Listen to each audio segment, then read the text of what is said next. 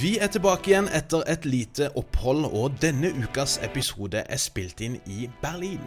Dette er Hva skjer med verden?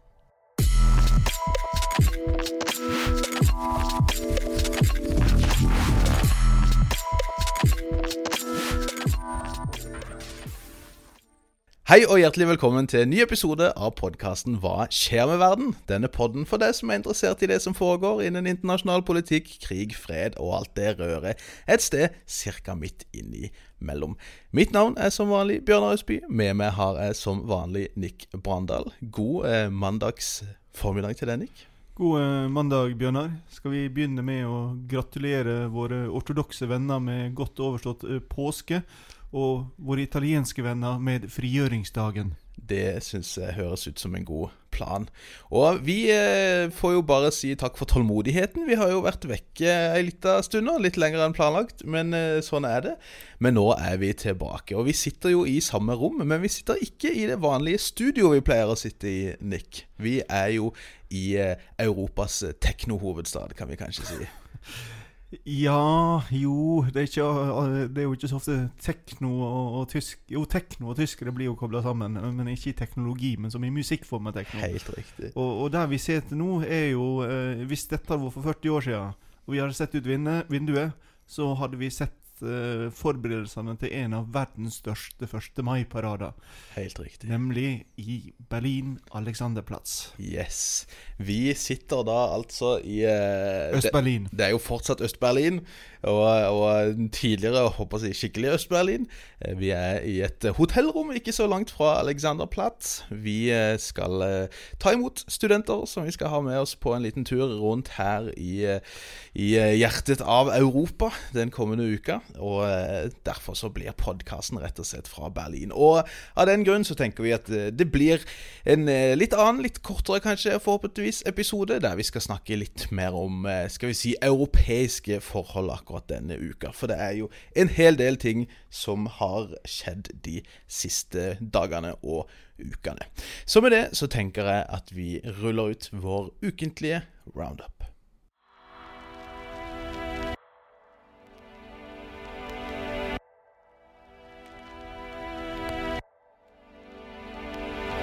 Nick, det er mandag morgen, og i går søndag så var det jo mange, både i og utenfor Frankrike, som var veldig spent på å se hvem som skulle komme seirende ut av valget der. Og nå har vi jo da fått en, eh, skal vi si, seierherre i det franske presidentvalget, nemlig vår, eh, vår gamle venn, får vi si, eh, First Price, Napoleon Emmanuel Macron. Ja, og um overraskende var jo ikke denne seieren i det hele tatt. Det var jo knapt noen som ikke ville lage sensasjonsoverskrifter for å selge aviser, som uh, skrev analyse om at uh, Macron kom til å tape. Mm. Da, da, skulle det virkelig skje ei katastrofe. Mm. Og, og, der var vi ikke. Men uh, samtidig så gikk han tilbake sammenligna med forrige gang han møtte den samme motstanderen, ja. Marine Le Pen. Uh, og uh, rekordmange stemte altså på et parti som kanskje er høyreekstremt. Det var jo også en av disse store debattene i Frankrike. Det var jo om er uh, da Nasjonal Samling, som partiet heter på norsk, et ekstremt parti, eller er det det ikke? De mm. diskuterte jo da ikke innholdet i denne ekstremismen. altså Eh, innvandringsfiendtlighet og hijabforbud og, og hele den smørja der. Og Det sier jo noe om hvordan fransk politikk har flytta seg over det siste tiåret. Ja. ja, og det er jo, uh, uten at noen av oss er sånne store kjennere av fransk politikk, akkurat, så er det jo ganske slående hvor mange i landet som både i første og andre runde da har stemt på kandidater skal vi si, ganske langt ute på frynsene. Nå kommer jo ikke Melanchon, som er godt ute på ytre venstre fløy, videre fra den første runden. Han var jo ikke langt unna å komme seg forbi linja. 400 000 stemmer unna. Ja, ikke sant. Og, og, eh, som vi har sett 1000 millioner ganger før, så greide jo ikke venstresida å, å samle seg om en kandidat. Og da Da gikk det ikke den gangen. Nå ble vel det endelige resultatet det siste så, var vel ca. 42% 41% som stemte, av de som stemte, da, som stemte Marine Le Pen, og, og 58% ca. på Macron. Da. Så det er jo fortsatt en, en ganske så diger andel av de som har avlagt sin stemme, som falt ned på å stemme på denne nasjonalsamlinga til, til Le Pen. Ja, altså Vi, vi snakker om 11-12 millioner mennesker som har stemt der. Og i første valgomgang når alle da stemmer fritt. Vi kan jo kanskje ta valgsystemet i Frankrike. Det er jo et sånn at det er et sånn enmannskretssystem. Eh, det vil si, i presidentvalg så er jo hele landet en krets. Men eh, den som skal vinne, må ha over 50 mm. Altså Det er ikke som i England, hvor det er ha et flertall av de som stemmer. Eh, altså Hvis du har 38% og ingen andre får mer enn det, så blir du valgt. I Frankrike så blir det da en ny omgang til noen kommer over 50 ja. Uh, og, og, det gjør jo at spenninga er ganske liten. Fordi i andre omgang så veit man omtrent hvem de som tapte i første omgang, som ikke fikk kandidaten sin videre, vil stemme på. Mm. Uh, og så er det bare spennende hvor mange av de som vil faktisk møte opp uh, og stemme. Og som Bjørnar viste meg i en tweet tidligere i dag, så var det altså da var Melanchon Boys bedre enn Bernie Boys. eh, altså, Det ser ut som om Melanchon-velgerne i ganske god grad møtte opp og stemte på eh, Macron. Ja, det var noe grafikk fra Jeg lurer på om det var eh, en amerikansk eh, mediekanal eller noe, men, men der eh, de som hadde blitt spurt av Melanchon-velgere som, som, valgte å stemme Macron i andre runde, så var det vel 91% som sa det var for å blokkere Le Pen. Og 9% tror jeg som sa at det var fordi Macron ville være en god president. Da. Men det er interessant, da, som jeg begynte å si i stad, at i første valgomgang så var det rundt 60% som stemte på kandidater med et program som var antielitistisk. Ja. Og eh, de tre kandidatene som ble nummer eh, to, tre og fire, altså Le Pen, Semour og Mélenchon, hadde ikke bare et anti-elite-program, de hadde også et antisystemprogram. De vil på forskjellige måter kaste om på den økonomiske, sosiale, sikkerhetspolitiske strukturen ja. som har styrt Europa og Frankrike etter 1945. Mm. Ja, så det, det, virker å være en viss Vi skal kanskje ikke kalle det akkurat revolusjonær stemning, men det er åpenbart bred misnøye med tingenes tilstander. Og, det, og det, det, er jo ikke noen hemmelighet at Macron ikke akkurat er spesielt godt likt av spesielt mange, og, og er upopulær blant forskjellige samfunnslag på forskjellige deler av det politiske spekteret også.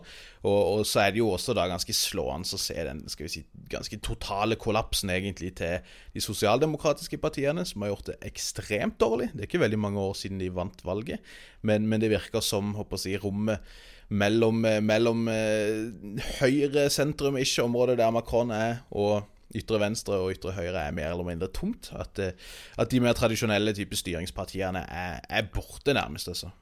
Ja, altså, uh, Macron har jo fylt hele det rommet i sentrum. Uh, det er tilsynelatende ikke plass til andre. Og her er det jo samtidig interessant at mens han i 2017 hadde en betydelig velgermasse som du kan si var sentrum-venstre, mm. så er den nesten borte. Nå har han velgermasser eh, til sentrum-høyre. Ja. Altså Sarkozy sine velgere, de som valgte han som president, er i praksis mer eller mindre de som nå har valgt ja. eh, Macron som president. Og selv Macron kjørte vel i sin tid på en nokså sånn antielitistisk linje med sitt parti, uten at han har fulgt det løpet der spesielt, og blir jo sett for å være veldig arrogant, virker det som, og, og har ganske lite sånn kontakt med, med franskmenn flest. Og det virker også å være en del misnøye med at han, han er ute på, på, tur internasjonalt og skal forhandle med, med, den ene og den andre, om det er Erdogan eller Putin, eller at han ikke følger nok med på og vier nok energi til, til sitt eget land. Ja, og så kommer det jo om eh, noen uker eh, et nytt valg, et parlamentsvalg. Eh, og der spørs det jo om partiet til Macron får uh, nok stemme til at de er si, styringsdyktige i parlamentet. Fordi ja. presidentmakta er, er, stor i Frankrike, men du må fortsatt ha med det parlamentet. Og annet nevnte Jean-Luc Mélenchon har jo begynt jo allerede før presidentvalget å begynne å kjøre en valgkamp på at uh, han burde stemmes fram som statsminister for å kunne kontrollere presidenten, enten det ble Le Pen eller det ble Macron. Ja. ikke sant. Så altså, denne storyen er ikke over ennå, for å si det sånn. Nei, og uh, ytre høyre kommer jo et lite steg nærmere å kunne vinne et flertall for hvert eneste valg nå siden gjennombruddet i 2001. Ja. ja, det ble jo sagt i sin tid at en, en stemme for uh, Eller altså, hvis, hvis, Macron vinner i 2017, så kommer Le Pen til å vinne i 2022.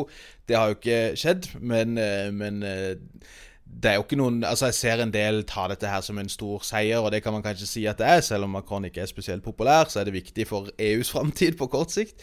Men, men uh, man kan ikke akkurat feire at det har vært noen tilbakegang for ytre høyre, får vi si, i Frankrike. Snarere tvert imot. Nei, og hvis vi kikker fram til 2027 uh, eh, så Du nevnte jo at Macron ble oppfattet som arrogant. Det kan jo være, men han, partiet handler iallfall veldig mye om han. Mm. Og han kan ikke stille flere ganger. Nei. Neste gang må de ha en annen kandidat.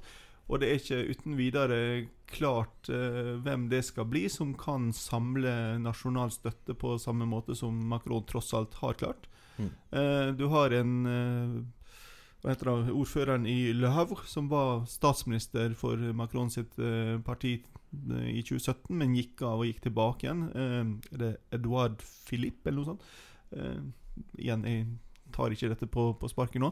Men eh, han, han, er nok en mulig kandidat. Men, altså han, fordi, men han er jo da populær i, i, og kjent i, de områdene hvor uh, Le Pen har gjort det ganske godt. Så det er ikke gitt at han vil spille like bra i de områdene hvor Macron står sterkt. Nei, nei. Så.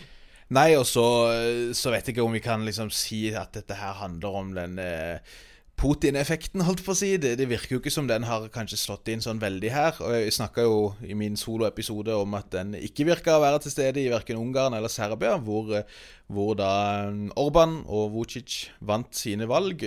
Begge har blitt sett for med god grunn, tenker jeg, for å være tett på Putin og, og pro Putin, men, men, vant komfortabelt, begge to. Det har eh, ikke skjedde for Le Pen. Og vi har også hatt valg i Slovenia, som, eh, som resulterte i en eh, ganske stor seier for den sosialdemokratiske sida, som, som, jo blir feira som, som, kanskje da at, at, at, vi nå har to tilfeller hvor, hvor denne Putin-effekten har slått til, og to hvor det, hvor det, ikke har det. da. Jeg vet ikke hvor mye vi kan lære av dette enn så lenge, egentlig, men jeg vet ikke hva du tenker. Der er en viss Putin-effekt, men den er ikke så stor som vi kanskje skulle trodd. Nei, nei, rett og slett. Um, så det er godt nytt for EU, kan vi kanskje si, på kort tid. Så får man bruke den tida man har nå på å prøve å konsolidere ting så godt som mulig. skulle en tro.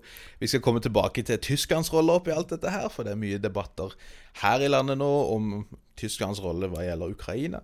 Men, eh, men, det kan vi ta, eh, ta etter hvert. Ja, altså, og um, Vi skal ikke ta denne store greia her, men bare for å antyde så Når demokratiet ble det hegemoniske systemet, særlig etter 1945, så handla det om at det var et system som leverte eh, for det store flertallet. Altså, Det leverte økonomisk, det leverte sosialt, det ga løsninger, det ga gode politikere som var antikorrupte. Og i dag kan vi jo bare kikke rundt oss. Nå Se på alle oligarkene, russiske oligarkene som uh, fyller opp uh, alle badesteder og luksushoteller osv. Og, så og kjøper dyre eiendommer. Vi kan uh, kikke på de økende forskjellene. alle mennesker som sitter i dead end jobs, eller meningsløse jobber, eller uverdige jobber, kort og godt. Mm. I Tyskland har man fått et nytt begrep nå som heter minijobs. altså jobber som ikke er nok til å leve av, der du ja. gjerne må ha tre-fire. Det er jo sånn amerikanske tilstander som vi altså nå finner i hjertet av Europa. Og vi, vi, har sett i Tyskland lærere som må ha en minijob ved siden av for å, for å klare seg. Hæ. Så altså, hvis ikke vi klarer å få til et demokrati som kan styre en økonomi som leverer for det store flertallet av folk, ja, da vil de ekstreme fortsette å vinne fram. Ja, rett og, rett og, slett. Så vi kan ikke ta noen, noen seire si, på, på forskudd her når alt kommer til, til alt. Um, det er jo haugevis av ting vi kunne ha snakka om som har skjedd de siste ukene. Så jeg har uh, sikkert 400 bokmerker på Twitteren min de siste par ukene som jeg ikke orker å gå gjennom nå. Vi kunne sikkert snakka mye om uh, alt fra uh, uro i Nagorno-Karabakh og, og tilløp til trefninger der. Vi kunne ha snakka om den stadig mer omfattende hungersnøden som rammer stadig større deler av, av Afrikas Horn. Vi burde jo ha snakka om uh, opptøyer i uh, New Delhi mellom hinduer og muslimer. Ja, disse hindunasjonalistene er stadig med Altså, det har de vært lenge, men, men den eh, anti-islamske retorikken begynner å bli fryktelig giftig nå, med, med dertilhørende voldsbruk også. Eh, så det er definitivt noe vi kunne ha snakka mye om. Eh, det er nok av greier som foregår som vanlig i eh, Sentral-Afrika. DR Kongo har akkurat blitt med i det østafrikanske fellesskap, og det østafrikanske fellesskapet har akkurat annonsert at de skal starte en militær operasjon i østlige Kongo, som tusen forskjellige aktører har prøvd seg på før og mislyktes med, så vi ønsker jo hell og lykke der. Ehm, vi kunne snakka om den nyeste klimarapporten. Vi kunne snakka om at en klimaaktivist tente på seg sjøl og, og, døde etterpå i USA. Det har nesten ikke blitt dekka noe av media, interessant nok. Det er i det hele tatt mye vi kunne tatt opp. Vi, vi kunne jo snakke om den uh, nyeste rapporten som ble rapportert i tysk avis i dag. Om at uh, det, det, er et selskap i Russland som nå tilbyr seg å å, å, lage akademiske publikasjoner for uh, forskere, som de altså da kan betale for, og så bare sende inn til tidsskrift. Og disse har visstnok blitt uh, publisert på alle de største fagtidsskriftsforlagene. Rett og slett. Så uh, våre, vi, har, vi, har, fått nye karrieremuligheter, Bjørnar. ja, endelig. Penger, eh, penger, løser alt til slutt. Det er deilig. Eh, det vi tenkte vi skulle gjøre, er at vi, eh, vi har fått et par spørsmål som vi har lyst til å bruke litt tid på nå, før vi kan gå over til litt Ukraina, og, og spesielt liksom, Tyskland-Ukraina-stoff mot slutten av episoden. Og vi har fått en rekke veldig gode spørsmål fra Marcus, som er i Somaliland for tida. Og uh, Hyggelig hilsen fra han, men med da også tre spørsmål. Vi, vi rekker ikke å gå gjennom alle disse nå, men to av de tenker vi det er verdt å stoppe opp ved. Og Det første spørsmålet fra Markus det handler om internasjonale domstoler, og hvorvidt de nærmest er, er rigga mot de svake, håper jeg. Om eh, Han spør om noen eh, personer eller stater med makt, altså type mer stormakter, har blitt dømt, gitt at vi har stater som USA, som har stått for en rekke krigsforbrytelser i Afghanistan og Irak, annet. Russland i Tsjetsjenia, Afghanistan, Syria, Kina i Xinjiang, Frankrike, Algerie, Kar osv. Eh, det ser alltid ut til å bli feid under teppet, sier eh, Markus, og lurer da på om, eh, om internasjonal rett stort sett er et verktøy for de sterke som man kan bruke mot de svake. Og vi, vi, kan, vi har et spørsmål til fra Markus som vi skal ta opp etterpå, men vi kan kanskje ta dette først, da. Dine tanker, Nick? Altså, internasjonale domstoler og internasjonal lov er ikke rigga mot de svake. Eh, hvis det er noen som får begrensninger av at vi har internasjonale forpliktelser, så er det heller stormaktene. Altså, Hvis vi ikke hadde hatt noe som helst, så hadde jo de egentlig bare hatt fritt fram til å gjøre som de vil, og da hadde makta rådd. Ja.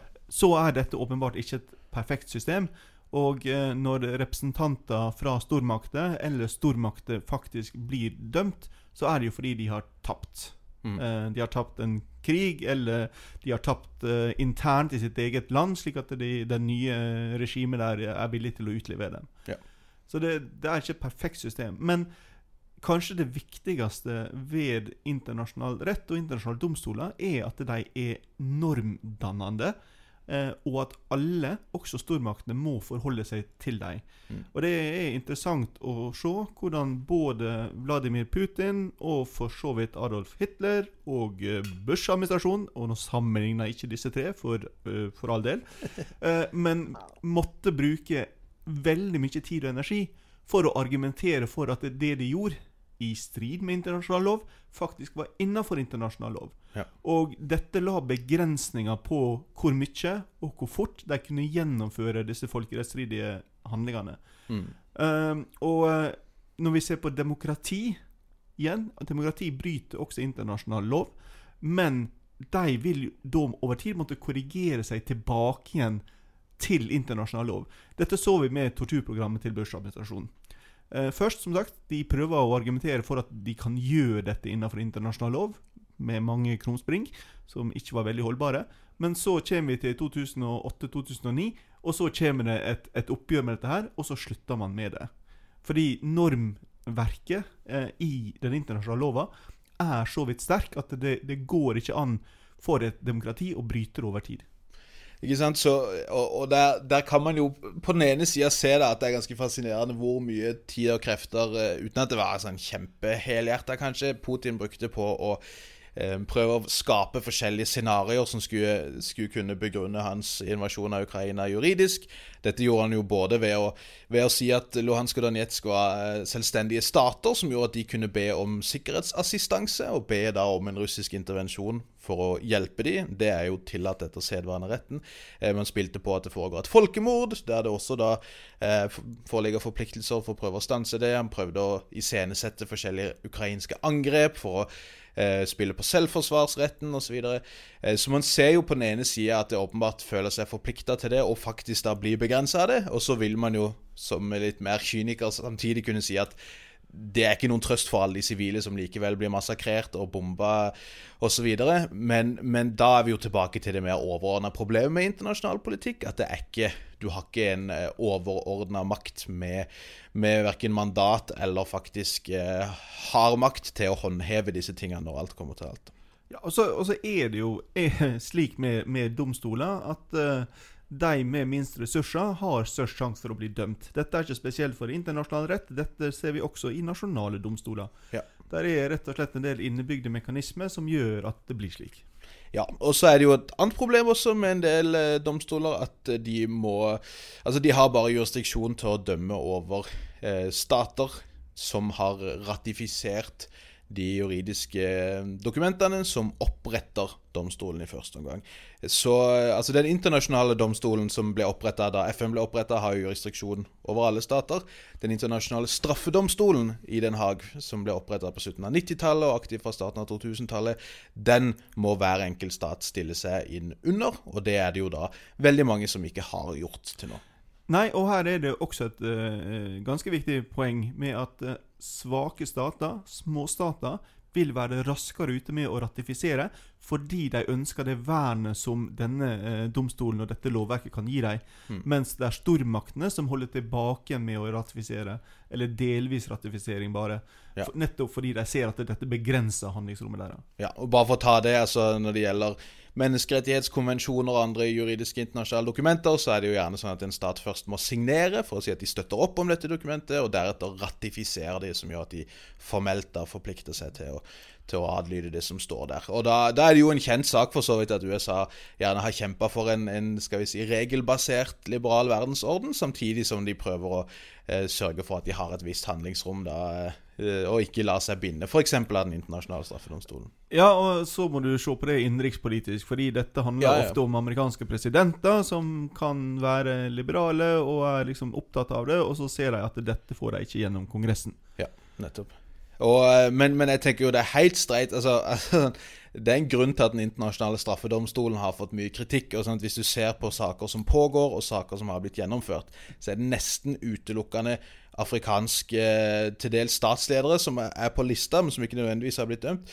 Men også veldig mange det man gjerne kaller krigsherrer, jeg vil kanskje heller kalt det opprørsledere, militsledere, som har blitt stilt for retten, og som har blitt dømt der. Og det er jo gjerne da folk som på den ene siden har gjort mye fælt, men som samtidig er skal vi si, obskure nok til at ingen av stormaktene beskytter de på en måte fra, fra rettsforfølgelse, og som, som, gjør at de kanskje er mer lavthengende frukt enn andre. da. Men, men, det er jo ikke uten grunn kanskje at land som Kenya for eksempel, da har trukket seg ut av Den internasjonale straffedomstolen igjen. Det har i hvert fall vært enkelt for de å, å argumentere for at USA for eksempel, kan snakke så mye de vil om, om good governance og menneskerettigheter osv., men hvis de ikke er villige til å forplikte seg sjøl til dette og gjøre seg sårbare for rettsoppgjør knytta til amerikanske forbrytelser i Irak f.eks., så, så er ikke dette her spesielt kredible greier. Eller først og fremst så handler det jo om at Kenya forsto at um, hvis det, dette kunne slå tilbake Det som var en god idé for noen år siden, var ikke nødvendigvis en god idé nå. Nei. Og det, det, jo, det ser jo folk si Biden bør være litt forsiktig om også, når han snakker om at uh, Putin må forberede seg på å bli rettsforfulgt og, og sånne type ting det, altså, en, ting er at man, man, kan jo si at det ikke nødvendigvis gjør en, en fremforhandla løsning på konflikten mer sannsynlig, fordi Putin måtte ha alt å tape, potensielt. Men, men, argumentet der har jo mer vært at da bør, eh, da bør, Biden og USA, eller Kongressen der, gjøre noe for å i hvert fall vise at de sjøl forplikter seg til noe, f.eks. ved å binde seg til den amerikanske menneskerettighets... Eh, konvensjonen eller ICC eller andre ting, da, uten at jeg tror det er videre sannsynlig nødvendigvis. Så, så ja, man kan, man kan, kanskje si Altså, jeg, jeg, jeg skjønner hvor, hvor, spørsmålet kommer fra, på en måte. Eh, samtidig så er det kanskje ikke så lett å unngå at noe sånt skjer. Eh, og så er det en del land også som det rett og slett bare er veldig vanskelig å å, gjøre noe med. Si. Hvis du tar Etiopia, f.eks., så har de ikke bundet seg til den afrikanske menneskerettighetsdomstolen. De har ikke stilt seg inn under den internasjonale straffedomstolen. Og hvis de ikke har, eh, har, gjort det, så må jo eventuelt Sikkerhetsrådet da sette den internasjonale straffedomstolen på saken. Det har de lov til, men i Sikkerhetsrådet så klart så er det jo ingen, ingen enighet om noe sånt, og der er det jo flere av statene som har beskytta Etiopia eh, over tid, som jo gjør at et sånt scenario også er veldig usannsynlig. da. Det er det ikke det, altså Med mindre én part kommer åpenbart liksom seirende ut av dette her, så, så har jeg vanskelig for å se noe rettsoppgjør.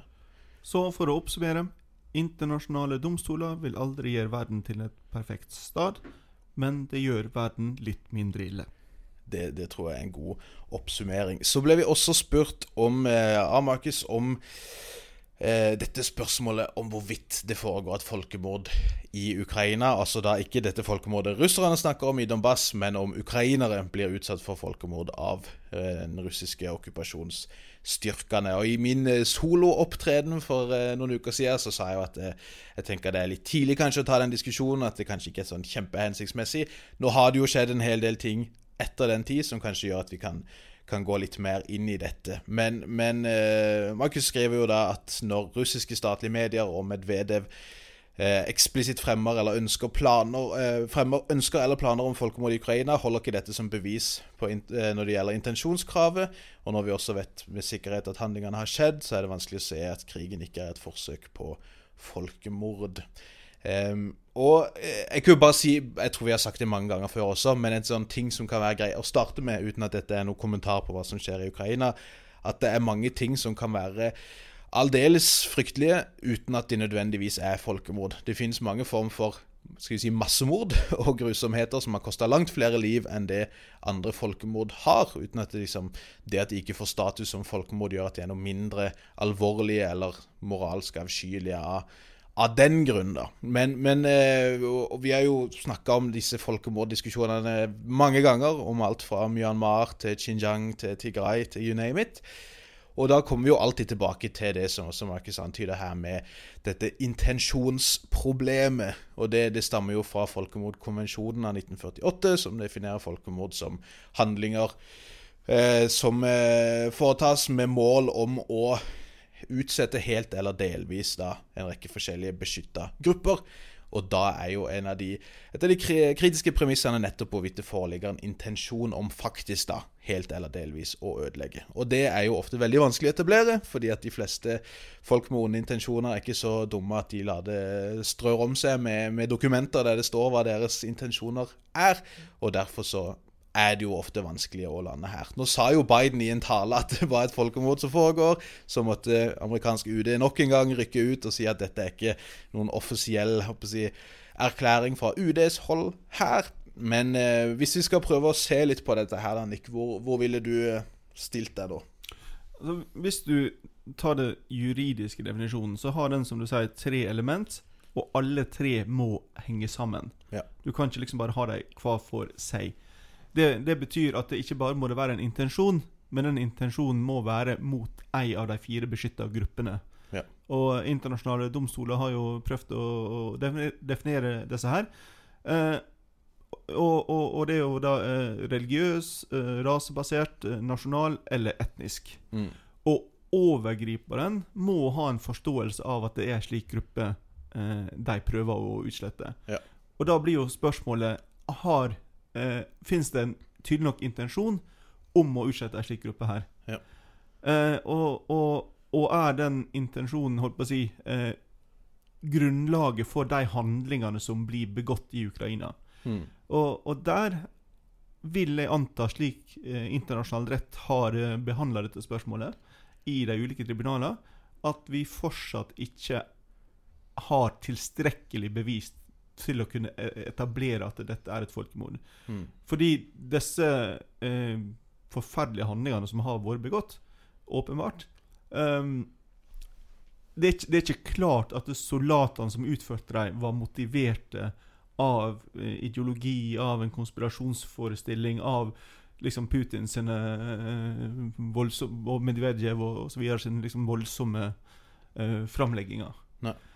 Eh, og, og hvis, hvis vi tar dette ned på et sånn veldig lite uh, nivå i Norge, så hadde vi ei sak i Høyesterett mot Jack Erik Kjus, leder for Hvit valgallianse, som uh, egentlig i bunn og grunn sa at alle ikke-hvite i, Norge burde fjernes fra Norge. Altså, det er ikke, det er ikke tvil egentlig om at intensjonen der burde kunne oppfylle kravet til, til folkemord. Eh, det var aldri aktuelt for norske myndigheter å, å, å ta ut tiltale for folkemord. Fordi liksom den, den jeg, muligheten til å gjennomføre det, eller tilgangen eller jeg, eh, til, til, et voldsapparat som han så kunne instruere om det, eh, var ikke der. Og, og det er en like god forklaring på det vi har sett i Ukraina, kan rett og slett være at vi snakker om militærstyrker som er dårlig ledet, dårlig utstyrt, som ikke Det går dårlig i krigen. Altså, det er kaos, og militærstyrker som kollapser, mister disiplinen og fører seg på denne måten. Altså Det så vi med amerikanerne i Vietnam. Altså Det er det samme dynamikken vi ser der. Uh, dette ser vi i borgerkriger, over, altså rett og slett overalt. Og det, uh, det kan være en like god forklaring. Som at dette her handler om at det er en intensjon om utslettelse som, som liksom siger gjennom alle nivåer av det russiske samfunnet. Ja, og, og, det er jo eh, Nei, og det er som du sier, altså det, det, er jo ganske klassisk. Eh, oftere kanskje i borgerkriger i forbindelse med kontraopprør, eller, eller, i et scenario med, sånn som i Vietnam, der, du, ja, der man både har konvensjonell og mer asymmetrisk form for krigføring, men at man ser kollektiv avstraffelse av sivile, gjerne da i områder hvor en, eh, en tropp har blitt utsatt for bakholdsangrep eller lignende, og at, at, det kan resultere i fryktelig vold. Sånn som i type Milai, da, som gjerne trekkes opp som en parallell til Butsja. Um, hvor, hvor, det ikke nødvendig, altså, Man kan si at det foreligger en intensjon om å utsette den, de spesifikke sivile som er i dette området, men ikke pga. deres tilhørighet til en viss gruppe, men som et symbol på den motstanden som befinner seg i landet, kanskje. Eh, men, men, altså Samtidig så, så, skjønner jeg jo Altså, når du ser på hvordan en del personligheter på russisk statlig TV snakker om dette her, det er jo noen sånne prateprogrammer som det kommer stadig håper eh, jeg, verre retorikk ut fra der. Der man jo ser ting som, som jeg tenker er mer eller mindre maning til og i hvert fall massemord, om ikke folkemord. Men litt av, litt av det som gjør dette ganske vanskelig å få huet rundt, syns jeg i hvert fall, er jo at på den ene sida så har man Eh, offentlig kommunikasjon fra russisk hold som sier at ukrainere ikke fins. Det er ikke et eget folk i utgangspunktet. Um, mens på den andre sida så har det jo de som nærmest sier at ukrainere som sådan må, må, bare ødelegges, fordi at de vet ikke sitt eget beste. Så, så uh, gitt at man i Rwandas tilfelle for eksempel, har det jo vært liksom spørsmål Hva er egentlig tutsier og hutuer strengt tatt forskjellige etniske grupper, gitt at de delte samme kultur, de delte samme språk, de bodde de samme stedene. Men da, da, ble jo forståelsen at så lenge de som sto for volden, oppfatta utgruppa som en distinkt gruppe, så er det Da har du allerede bikka på en måte terskelen for at ofrene tilhører en beskytta gruppe. Og det, noe av det samme kunne jo kanskje skje her, da. Nei, Og så bør vi ta et par steg tilbake igjen til eh, folkemordskonvensjonen. Fordi dette intensjonsbegrepet kom inn fordi den skulle være forebyggende. Det heter jo konvensjonen om forebygging og straff av folkemord. Ja. Uh, man skulle Neste gang så skulle man kunne gripe inn før millioner av mennesker var drept. Ja. Uh, slik at vi ikke fikk en gjentagelse av uh, Nazi-Tyskland. men det som har skjedd da ved å legge inn dette intensjonskravet, er at man har gitt signaturstatene, altså de som har ratifisert konvensjonen, nærmest en unnskyldning for å ikke ta den i bruk. fordi de kan da skyte seg inn under at intensjonskravet ikke er oppfylt. Fordi ja. det, det er så komplisert. Nettopp fordi det, det, det betyr at du overkjører statssuverenitetsprinsippet, som også er veldig viktig i FN-pakta og i internasjonal lov. Ja. Så hvis du skal gjøre det, så må du ha en veldig god grunn. Mm. Eh, og så har jo disse statene da forplikta seg til at hvis de sier det er et folkemord, hvis de mener at intensjonskravet er oppfylt, så forplikter de seg til å gjøre det de kan, mer eller mindre. Litt forenkla utgave av det som står der. Eh, og det er klart, i forhold til Ukraina nå, hvis da USA virkelig erklærer at dette er folkemord, eh, ja, da må de jo faktisk gjøre det de kan. Og det er USA mot Russland. Ja, atomvåpen. Men de burde kunne gjøre ganske mye mer enn de gjør akkurat nå. Eh, da snakker vi jo om flyforbudssone, f.eks., som man hadde i Libya. man brukte ikke folkemordskonvensjonen der, men, men eh, det kunne man potensielt ha gjort. Mm. Men man gjorde det jo over kurdiske områder i Irak, ja. for eksempel. Ja. Mm. Eh, og, og, og, og dette er jo grunnen til at det sitter veldig langt inne for statene. Fordi det har juridiske konsekvenser videre for hva de må gjøre, eh, og bør gjøre, og kan gjøre, og skal gjøre. Eh, men så kan vi jo gå over til det vi egentlig har vært inne på nå, nemlig hva er egentlig et folkemord? Mm. Eh, jo, det er et forsøk på å utslette en gruppe mennesker, eller individ i en gruppe mennesker, pga. hvem de er, og ikke pga. hvor de er. Altså, er, en egen, det er eh, overgriperen tillegger individer i denne gruppa egenskaper som de ikke kan kvitte seg med. Mm. Som er liksom Det, det er den de er, eh, uansett om de veit det eller ikke. Eh, og Har jeg har hørt noen oppsummere det så brutalt som du blir drept fordi du ble født. Ja, ja. Rett og slett. Ja. Og, og da begynner vi jo kanskje å snakke om en helt annen debatt, eh, med det du refererer fra russisk fjernsyn. Putin sine taler eh, 24. februar og eh, var 22. og 24. februar. Eh, altså, altså, han snakker jo om nazister, men, men altså han, han lager en konspirasjonsfortelling der han definerer Ukraina og ukrainere som utafor det menneskelige. Altså som, som han, han legitimerer at soldatene kan bruke ekstrem vold. Ja. Fordi det man gjør med nazistene, er jo å knuse dem. Mm. På samme måte som man i Rwanda snakker om kakerlakker, og, og nordamerikansk, i Nord-Amerika så snakker han om at indianerne var utøy osv. Altså, Mm. man, man gir en tillatelse til disse soldatene som er i en pressa situasjon, til å begå disse handlingene. Ja. Eh, og, og, og da er vi mer inne på spørsmålet om, om vi faktisk om, om det ikke er et folkemord i dag, så har i hvert fall Putin og lederskapet beredt grunnen for et potensielt folkemord.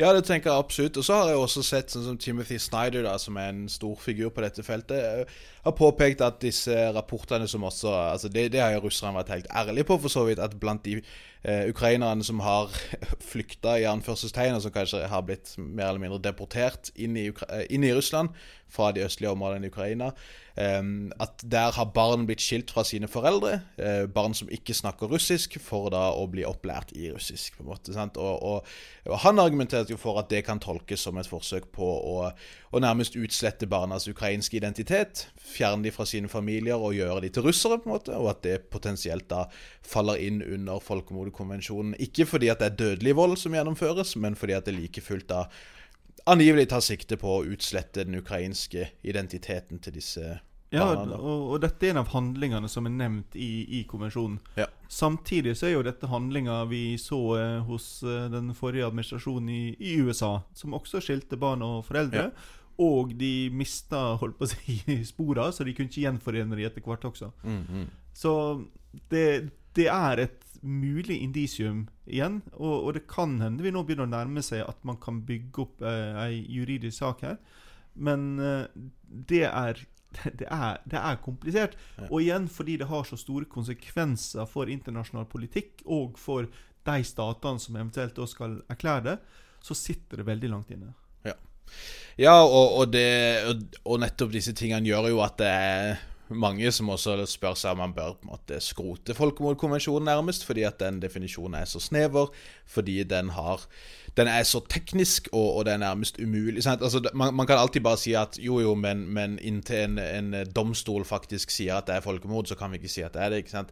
Og, og for meg virker det som veldig mange, skal vi si, for å si litt arrogant, lekfolk da tenker liksom at vi må si at det er et folkemord for å virkelig understreke hvor alvorlig det er, når ting kan være ekstremt eh, bad uten at man trenger å kalle det det, eller uten at man lykkes med å få etablert at et folkemord foregår. da.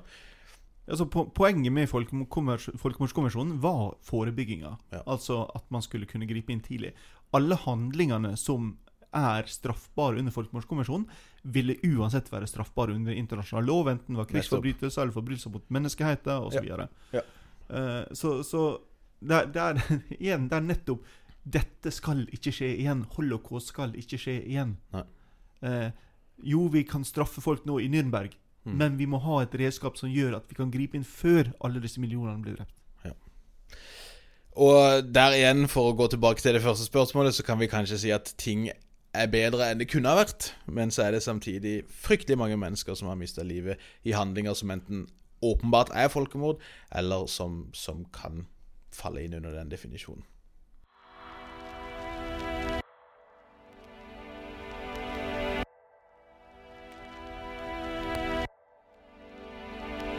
Vi er jo i eh, Tyskland, vi er i Berlin, så vi må jo avslutte med å snakke litt om, eh, om Tyskland og Ukraina og det som foregår der. Nå, nå kommer vi ikke til å ta noe sånn veldig sånn gjennomgang av hvordan ting går i Ukraina akkurat nå, annet enn å si at konflikten nå er Krigføringa er primært konsentrert i øst, altså fronten er i øst nå, i Donbas-regionen. Den virker å være forholdsvis fastlåst.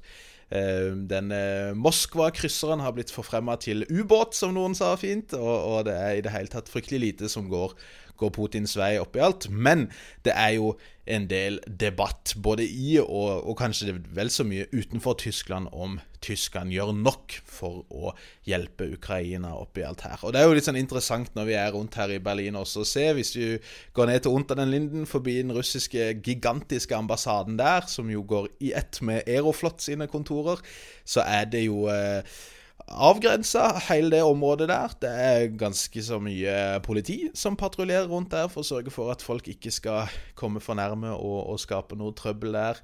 Um, En kamerat av meg satt foran kontinentale som vi er, satt vi på plenen foran riksdagsbygningen og prøvde å lese litt her forleden dag, og da kunne vi jo også høre da en eh, en lang tale fra noen løgnaser som jeg fortsatt ikke vet om var ytre venstre eller ytre høyre, som da hadde en, en svær plakat der det sto da på tysk, da, men at eh, de tydeligvis kjempa for denazifiseringa og demilitariseringa av Tyskland. De hadde noen gamle Det så ut som gamle keiserlige tyske flagg. Og denne her er det St. Georgs-sløyfa, disse her oransje og sortstripa greiene som, som på en måte kom før setten, som en måte å vise at du støtter Russland, basically. Eh, og det, det, var ganske spesielt, altså, å sitte foran gamle riksdagsbygningen og høre på folk som igjen kan være ytre høyre og ytre venstre, snakke om alt fra hvordan antisemittismebegrepet er helt uh, feil brukt. Vi er antisionister, og det må være lov til å snakke om jeg håper å si, jødelobbyen i finans osv. uten å bli kalt antisemitter. Homofobi er et uh, begrep som brukes altfor enkelt. Vi liker det bare ikke. Det handler ikke om hat eller frykt. De snakker om at det må være lov å være nasjonalister. Det finnes jo bra nasjonalisme og dårlig nasjonalisme, og ukrainsk nasjonalisme er åpenbart av den fæle sorten, tydeligvis. Og også der kunne vi høre ting da det lille tysk vi forstår, om, om, at ukrainere må slutte å kalle seg ukrainere. Si nå hva du er. Er du jøde? Er du polakk? Er du tartar? Er du russer? Liksom. Si det som det er. Ikke sant? Og, og de kom jo også så klart inn på denne våpendiskusjonen, da, disse folka, som igjen kan være ytre høyre og ytre venstre, for de snakker om veldig mange av de samme tingene, men som gikk på da hvordan Vesten må slutte å forsyne Ukraina med alle disse våpnene, til dels fordi at de kan komme tilbake i trynet på oss sjøl, til dels fordi at disse her ukrainerne er jo ekstremister, tydeligvis, da og alt med seg. Så høylytt gauking i megafon foran riksdagsbygningen der på en, en solfylt eh, lørdag. Ganske spesielt, men, men, sånn er det jo. Vi ser jo masse graffiti og bannere rundt omkring her om 'stopp krigene', og 'krig har ingen vinner', osv. Ukrainske flagg litt rundt omkring, men jeg har også sett noen russiske flagg her og der. Men den store diskusjonen som pågår, virker det jo som, det handler mer om om eh, kanskje spesielt Olaf Scholz, egentlig, men om Tyskland og den tyske regjeringa gjør nok. Både på den ene sida for å forsyne Ukraina med tyngre militært materiell, på den ene sida, og på den andre da om de gjør nok for å så raskt som mulig kutte skal vi si, avhengigheten sin vis-à-vis Russland og stanse pengeoverføringer for, for russisk olje og gass.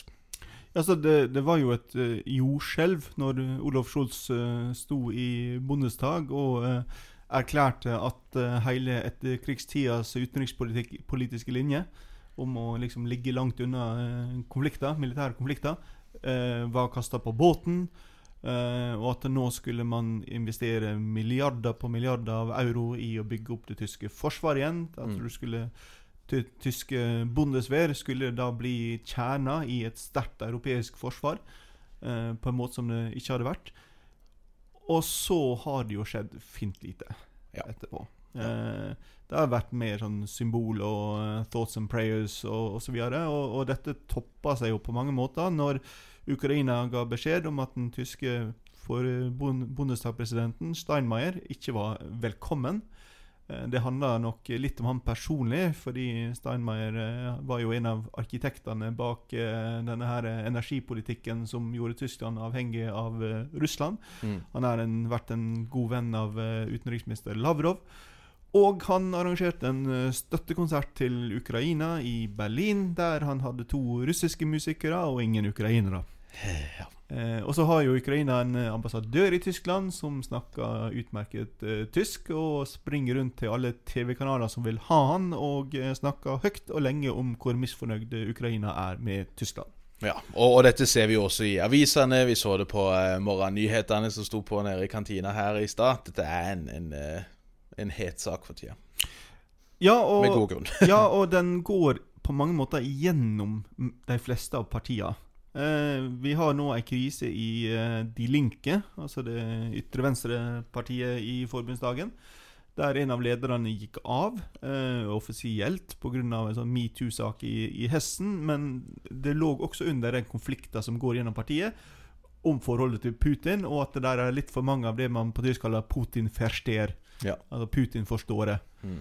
Eh, det går ikke minst gjennom det sosialdemokratiske partiet, SPD.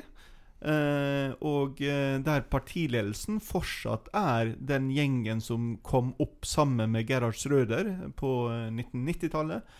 Og, og fortsatt har disse båndene og snakker liksom de sentrale personene der, selv om de, de nå ikke sitter i, i posisjoner i partiet.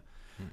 Og, eh, og så kom det jo en rapport fra den tyske eh, nasjonal, nasjonalbanken, altså Riksbanken, som sa at hvis vi kutter av eh, olje og gass, så eh, om ikke vi går konkurs, så blir det sånn økonomisk eh, kjempekrise i Tyskland. Mm. Så det er, det er, det er betydelige kostnader knytta til det.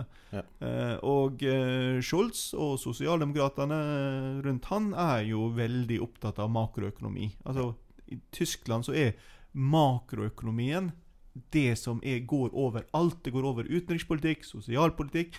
Altså fordi man mener at det var det som brakte fram nazismen. Ja. Vi må ha orden på økonomien, vi må unngå inflasjon osv. Eller så risikerer vi at nazismen kommer tilbake igjen. Mm.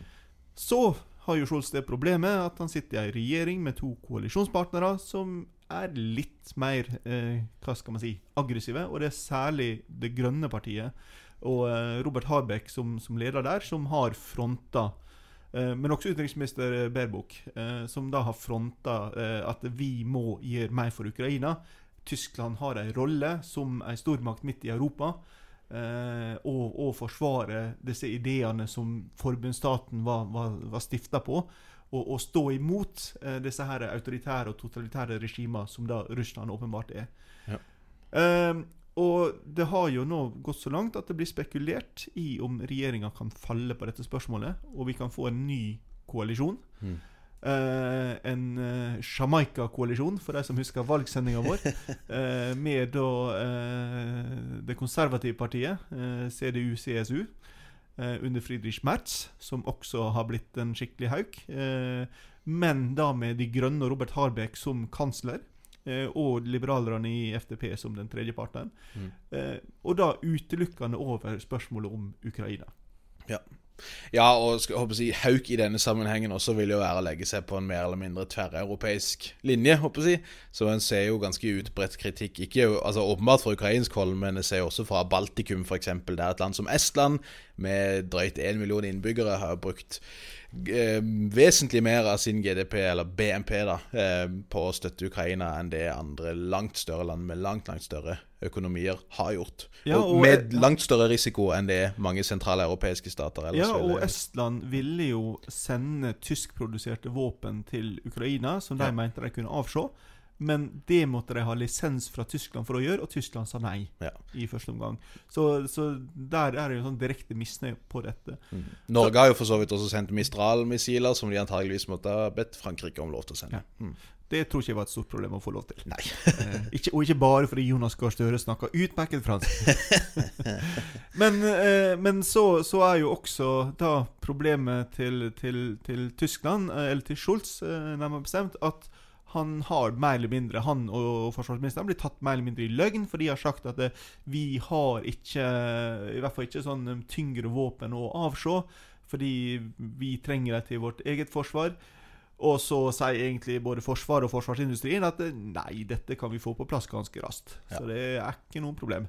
Nei, og så har han vel dratt litt eh, etter det jeg har sett Var det ikke et intervju i en tysk avis eh, der han, der han nærmest drar sånn tredje verdenskrig og kjernevåpenkortet, som, som blir litt sånn fnøsa av, av andre, andre kommentatorer og politikere rundt omkring i Europa. Da. Igjen, sant, det er mange stater som løper en langt større risiko her enn det, enn det man skulle tro Tyskland gjør på den, på den sikkerhetspolitiske sida av saken. Man kan forstå i og for seg dette som har å gjøre med økonomien og det som har å gjøre med energien, men der er, jo, er det jo så klart mange Ukraina sine ledere inkludert, som sier det er jo dette her vi har sagt til dere hele tida. Nord Stream 2 er en kjempedårlig idé, for det kommer bare til å gjøre dere mer eh, låst til Russlands skjebne oppi alt dette her. Så, så, det er jo mye sånn eh, hate, to, hate to say we told you so-retorikk her ute også, da, uten at det strengt tatt løser noen ting som helst. da. Men vi, vi, ser jo da, bare for å ta det, så har jo altså det er jo langt mer tungt militært materiell som blir forsynt nå i disse dager. Det er en del tidligere slovakiske tanks vel, som allerede nå er, er operative i Donbass i øst. Det er masse tungt materiell og artilleri og flydeler som har kommet inn, og droner og mye forskjellig som kommer fra amerikansk hold, og, og en rekke forskjellige europeiske stater der som, som pumper inn stort sett det de kan nå. Mye antageligvis fordi at det begynner å bli en, en mer utbredt oppfatning om at denne krigen kan faktisk Ukraina potensielt vinne. Spesielt når, når, det går såpass dårlig som det har gjort for Russland. Og Man snakker gjerne om at en angripende styrke bør, bør prøve å ha et styrkeforhold på 3 til 1 for å skulle kunne si, vinne på offensiven. Og det har antagelig ikke Russland, sånn som situasjonen er nå. Kanskje kun på liksom det taktiske planet, altså på en liten skala. Men hvis man ser over, over hele fronten i øst mer generelt, så, så, skal de vanskelig kunne oppnå noen sånn form for tallmessig overlegenhet. Jeg ser andre som har Dette er veldig sånn nærme militær, teknisk, nerdete greier, men, men som ser på ammunisjonen som russerne bruker i artilleriet der det er veldig mye gamle greier som detonerer idet det treffer bakken, heller enn at det detonerer i lufta over, som er langt mer effektivt i møte med en type skyttergravskrig, som er det det, det kanskje kan gå imot nå, inntil, inntil fronten kollapser på den ene eller andre sida av saken. Jo, men her må vi samtidig definere hva det betyr å vinne. Fordi jeg har ikke sett så mange som tror at Ukraina vil klare å skubbe de russiske styrkene tilbake igjen fra de områdene de nå sitter på. Jeg ser mange som sier det, men de er ikke nødvendigvis militæreksperter. Nei, altså militæreksperter eh, ser jeg veldig få som tror det. Og eh, du har også det hvis Russland skulle lykkes i å komme seg videre til Odessa eh, og koble dette på Transnistria, eh, så har de plutselig mulighet til å angripe inn mot Kiev igjen fra to sider samtidig. Mm. Eh, og altså da, da, har vi på lang sikt, selv om du da stopper konflikten stopper der, og Putin erklærer seier, eh, for å regruppere, så er det ganske sannsynlig at de vil komme tilbake igjen. Ja da, men, men da igjen så er jo eh, Da blir det jo plutselig veldig vesentlig at man har mista denne Moskva-krysseren, som ville vært helt sentral i ethvert angrep mot Odessa. Både for å tilby eh, antiluftskyts, for å være en plattform som kunne sendt av gårde landgangsfartøy, eh, og i det hele tatt for å liksom stå for eh, bombardement med artilleri osv. Så også. Da. Så det å miste den der er jo et stort problem når det kommer til en eventuell landgang i Odessa. Det er jo et annet stort problem som vi har snakket om mange ganger også, men det å få mobilisert nye stridende Det er ikke så lett som en gjerne skulle tenke, og, og Putin har allerede sløst bort mange av elitestyrkene sine i den første bølga. Og politisk sett også så er det vanskelig å kjøre en liksom massiv mobilisering all den tid du ikke tillater deg å innrømme at dette faktisk er en krig, men omtaler det som en mer begrensa operasjon. da. Og når man i tillegg ser hvor enorme mengder militært materiell de har tapt, og, og, hvor vanskelig det kan bli å forsyne og produsere nye eh, grunnet økonomiens tilstand og grunnet sanksjonene som foregår osv. Så, videre. Så så så er det vanskelig, syns jeg, å se noe annet scenario enn at de greier å kanskje forskanse seg liksom i i, i Donbass, men, men at uh, det skal en del til for at de skal kunne greie et, et anstøt. Med mindre de da får kontroll over luftrommet. Det er jo på en måte det kanskje mest avgjørende her, og der er det fortsatt forbausende lite suksess å spore fra russisk hold. Nå eh, har det jo vært ganske sånn forvirrende greier også, der USA sier at de har sendt flydeler og plattformer til Ukraina, eh, som gjør at de har mange flere fly. Så sier Ukraina at vi ikke har fått noen nye fly, men vi har fått flydeler som gjør at vi kan fikse gamle ting. Hva som har skjedd, er ikke så godt å si, men, men enn så lenge så så er det, tror jeg, vanskelig å se for seg noen store, vellykka russiske offensiver uten luftdominansen, da. Uten ja, at det trenger å bety at uh... her, her, må du ta med hvordan Russland historisk sett før krig. For det er det som gjentar seg nå. Altså, eh, det er ikke Altså, de er villige til å være ekstremt brutale. De er også med egne styrker de er villige til å ofre si, veldig mye mer enn noen annen europeisk stat noensinne ville vært i stand til. Så uh, Og du kan si at de, de, er så tallmessig overlegne at hvis de er villige til å bare pøse på med dette over veldig lang tid, så, så, så faller Ukraina. Jo, men der er jo en problem med det politiske problemet, da. Med at du har tross alt en ganske liten hær, eh, med tanke på hvor digert Russland faktisk er, som betyr at du må mobilisere veldig mange flere. Sånn det, det, vi, er, vi, har ikke liksom to millioner stående, sånn som man kanskje hadde før. Det er ikke like lett å massemobilisere sånn som Nei, Stalin det, har gjort. Det hadde ikke man i 1941 heller. Neida. Men man bare pøste på med folk. Jo, men nå har vi sagt at dette er ikke en krig, det er ikke engang en invasjon. Dette er en liten operasjon mot en underlegen og udugelig nasjon. Jo, men Da er vi tilbake til disse diskusjonene på russisk TV. Eh, fordi det, man nå begynner å berede grunnen for at dette her er en krig mot oss. Altså, og, og, og, og dette ser ut til å resonnere ganske ok i den russiske befolkninga. Ja da, så, så jeg, jeg ser ikke bort ifra at man er villig til å kaste masse på dette her. Men igjen så støter det jo på andre problemer med logistikk, f.eks. Med at det virker å ha vært veldig lite læring på slagmarka til nå. Man har mista ytterligere to generaler de siste dagene, som gjør at man har mista ni generaler nå. Mange av elitestyrkene er tapt allerede. Så Altså det, det nok mest sannsynlige scenarioet tror jeg er jo mer bare en fastlåst, langvarig, dødelig, fæl konflikt, gitt at hvert, uh, hvert minutt russerne ikke rykker vesentlig lenger vestover, pumpes det inn mer og mer stæsj på ukrainsk side også, da, som, som, gjør det vanskeligere med bare noen sånn human wave-type angrep som man har sett før i tida og tilbake på 40-tallet. Nei, altså, vi, vi, har jo snakka om dette før, at man må faktisk komme seg tilbake igjen til hva er seier her? Hva, altså En ting er liksom hva Putin mener seier, en annen ting er hva vil Ukraina og hva vil Vesten si er en seier? Når kan vi si oss fornøyd? Og det er der er for det første Vesten og Ukraina neppe enige. Nei. Og eh, det er for det andre et veldig stort spørsmål om det er oppnåelig, eller om du, som du sier, vi får denne konflikten. Og eh, Russland blir mer og mer til Nord-Korea i det at man må bygge harde grenser mot det territoriet de da står på når, når slag, krigen på slagmarka slutter. Mm, mm. Ja? Og, og, det er jo mange som mener mye om liksom når, når det russiske folk kommer til å vende seg mot Putin og da, da, da, da det, det virker som all motstand til nå blir knust ganske effektivt. Og da er det jo mer spørsmål da med, med hva som vil skje med elitene, men det virker jo som man greier å bevare lojaliteten der enn så lenge. Noe av det jeg syns er mest fascinerende og mest kanskje problematisk oppi alt, er jo nettopp det du sier med, med de vestlige statene. da, Hvordan definerer de seier her? For det, virker jo som det de fleste tar sikte på til syvende og sist, er å bli kvitt Putin en gang for alle. Og, og det kan man ikke nødvendigvis si høyt, selv om Biden gjorde det. men, eh, men det er jo eh, Det er hva skal jeg si da? Det virker jo som begge parter håpet at dette skulle gå over ganske fort. Putin trodde han skulle få en rask seier, og eh, EU og Nato-stater håpte kanskje at disse voldsomme sanksjonene ville tvinge krigen til å stanse nokså raskt.